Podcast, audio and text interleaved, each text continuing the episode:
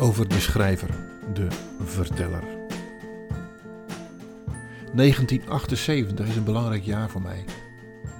In juli van dat jaar kwam God in mijn leven op een manier die ik niet voorzien had.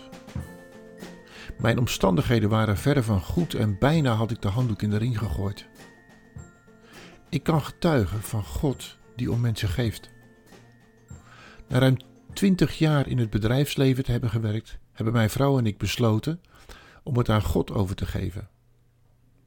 Dat is niet vanzelf gegaan en het heeft veel vragen opgeworpen, maar nu, terugkijkend, kan ik getuigen dat God nooit heeft losgelaten, ondanks mijn eigen wijsheid. Eind jaren negentig kwam ik in contact met de stichting Agape.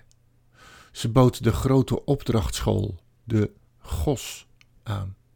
En ik dacht, examen doen in je geloof, wie wil dat nou niet? Het gevolg is de stap in geloof naar God door middel van samenwerking met de stichting. Wat ik niet kon bevroeden was het aantal malen dat ik voor mocht gaan in kerken en gemeenten.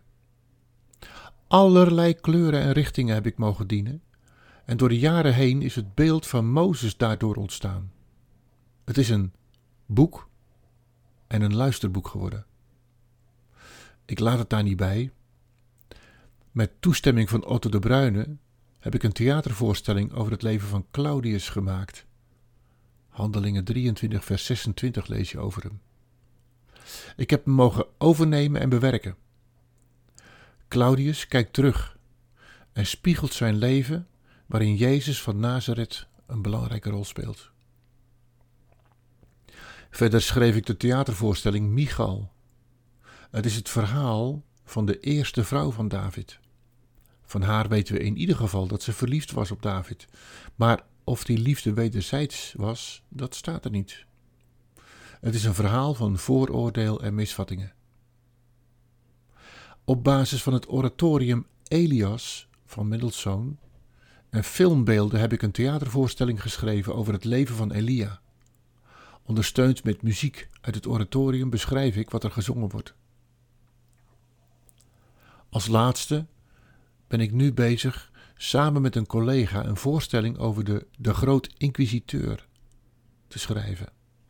Een hoofdstuk uit het boek van Dostojevski, de gebroeders Karamazov.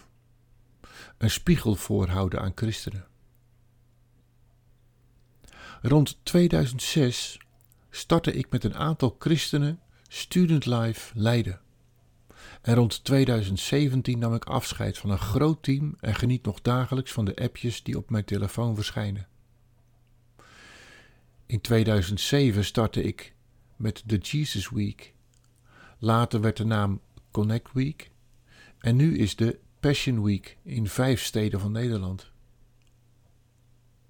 In 2017 ben ik begonnen met het herschrijven van de cursus Zo word je een aanstekelijk christen of in de volksmond AC. En op basis van de vele gesprekken op de universiteit ontstond er een methode om prettig in gesprek te komen met studenten. Het herschrijven is dan ook op basis van ervaringen die ik heb opgedaan op de universiteit. Een nieuwe cursus is ontstaan. Hartstocht. Niet alleen met elkaar om de tafel, maar ook via internet elkaar bemoedigen en om de cursus te laten beklijven een begeleidend quattro. Met z'n vieren de periode na de hartstocht vervolgen. In groepjes van vier om de tafel om hetgeen geleerd is in de cursus ook te blijven toepassen. Want in vier keer om de tafel en via de mail gestimuleerd te worden is niet voldoende. Het bouwt op door met elkaar herinneringen te maken, lekker te eten, en wie weet, ook met degene met wie je over het geloof in gesprek bent. Bouw met elkaar herinneringen en vriendschap op datgene wat wel werkt in plaats van het uitvergroten van de verschillen. Voor informatie over de hartstocht, je kunt contact opnemen met de stichting Agape, agape.nl. Verder lezen, ikzoekgod.nl. Verder praten, agape.nl.